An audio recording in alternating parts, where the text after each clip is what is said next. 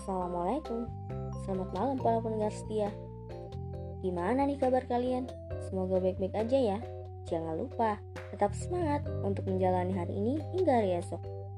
Oh iya, berhubung masih suasana lebaran Aku mau ucapin minal aizin wal faizin Mohon maaf lahir dan batin Buat para teman, sahabat, keluarga, dan para pendengar setia.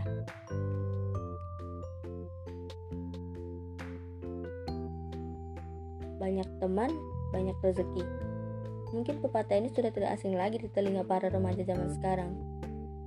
Tapi apa jadinya kalau banyak teman, tapi malah menjatuhkan kita ke jalan yang salah? Nah, di masa-masa dewasa inilah masa kita untuk berpikir lebih bijak dalam memilih teman ataupun pasangan. Khususnya pasangan nih, karena kalau sampai salah, waduh itu bahaya banget sih. Karena pasangan adalah orang yang akan bersama kita sampai kita tua nanti. Seperti yang akan aku bahas di podcast kali ini, toxic friendship bukan siapa yang paling lama bersamamu, tapi siapa yang bertahan dan selalu ada di saat kamu jatuh. Untuk mempersingkat waktu, bersama aku Sarah di podcast Sahabat Senja. Secara umum, di dunia ini ada dua tipe manusia. Satu manusia yang baik dan satu lagi manusia yang buruk. Yang buruk bukan rupanya, tapi perilakunya. Sama halnya ketika kita akan memfilter circle pertemanan kita untuk melihat mana yang berkualitas dan mana yang menjatuhkan kita atau yang biasa disebut dengan toxic friendship. Nah, apa sih toxic friendship itu? Nah, toxic friendship itu adalah circle pertemanan yang tidak sehat, yang hanya memberikan efek negatif kepada kita. Nah, kalian mungkin pernah berada dalam toxic friendship atau mungkin pertemanan kalian sejak kecil baik-baik aja. Ya itu keren banget sih. Aku punya pengalaman tentang toxic friendship. Bahkan di usia aku sekarang di usia 20 tahun aku masih aja ketemu dengan orang-orang yang suka dengan toxic friendship.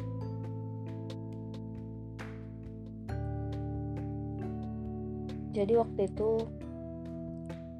aku mau masuk sekolah SMP dan waktu itu juga aku kehilangan dua orang sahabat baik.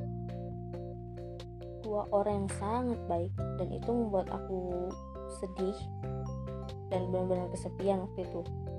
Dan waktu di sekolah SMP itu ada orang yang ngajak aku berteman. Sampai akhirnya kita berteman baik. Awal-awalnya tuh benar-benar baik dia tuh benar-benar bersikap manis kita ngobrol ke kantin bareng makan bareng, ke perpus bareng. Dan seiring berjalannya waktu, aku mulai merasa kalau pertemanan itu gak sehat gitu. Pertemanan itu gak baik. Karena semenjak aku berteman dengan dia, aku ngerasa dia ngebuat aku merasa bukan diriku sendiri gitu. Aku merasa aku terbatas gitu, pergerakan aku terbatas. Dan pertemanan itu membuat aku melakukan hal bodoh di mana aku mau aja menuruti apa yang dia mau gitu. Dan dia dia dia selalu bilang bahwa dia menganggap aku sahabat tapi dia hanya akan datang saat dia ada maunya gitu. Dan saat dia udah merasa senang dia bakalan lupa dan itu sih sakit banget rasanya. Sampai akhirnya aku sadar kalau ini namanya toxic friendship dan sejak saat itu aku jadi tahu kalau toxic friendship itu benar-benar nggak baik. Itu benar-benar pertemanan yang gak sehat. Dan itu membuat aku trauma untuk punya sahabat atau ataupun teman. Kurang lebih lima tahun aku menyendiri. Di sekolah selalu menyendiri. Sampai akhirnya ada orang yang merangkul aku lagi. Bahkan sahabat masa kecilku yang dulu pernah hilang ini membuat aku kembali istilahnya kembali hidup gitu. Dan aku menemukan lagi satu orang yang bisa benar-benar membuat aku merasakan diriku yang dulu gitu. Diriku yang apa adanya. Aku yang mencintai diriku sendiri. Aku ketemu dengan orang ini waktu kuliah.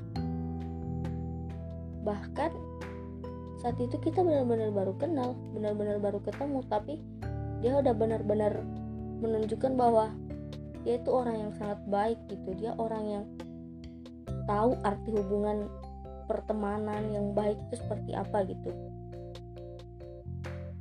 Dan walaupun sekitarku masih ada yang friendship toxic aku lebih memilih diam dan menjauh dari mereka dan fokus dengan sahabat-sahabatku yang jauh lebih baik dan menerima diriku apa adanya. Toxic friendship itu hanya bikin kita jadi nggak jadi diri sendiri. Mereka itu hanya bikin kita rela ngelukain diri sendiri. Kita rela bikin topeng buat nyenengin mereka. Padahal kita ngerasain sakit. Jangan lagi deh. Jangan lagi ya teman-teman keluarlah dari toxic friendship. Karena circle ini tuh benar circle yang gak sehat pertemanan yang gak sehat gitu. Bukan pertemanan yang baik.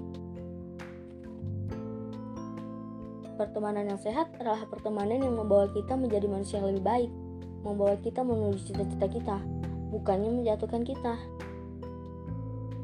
Lebih baik punya satu orang teman daripada punya seribu teman tapi nggak ada apa-apanya mungkin sampai sini aja podcast hari ini.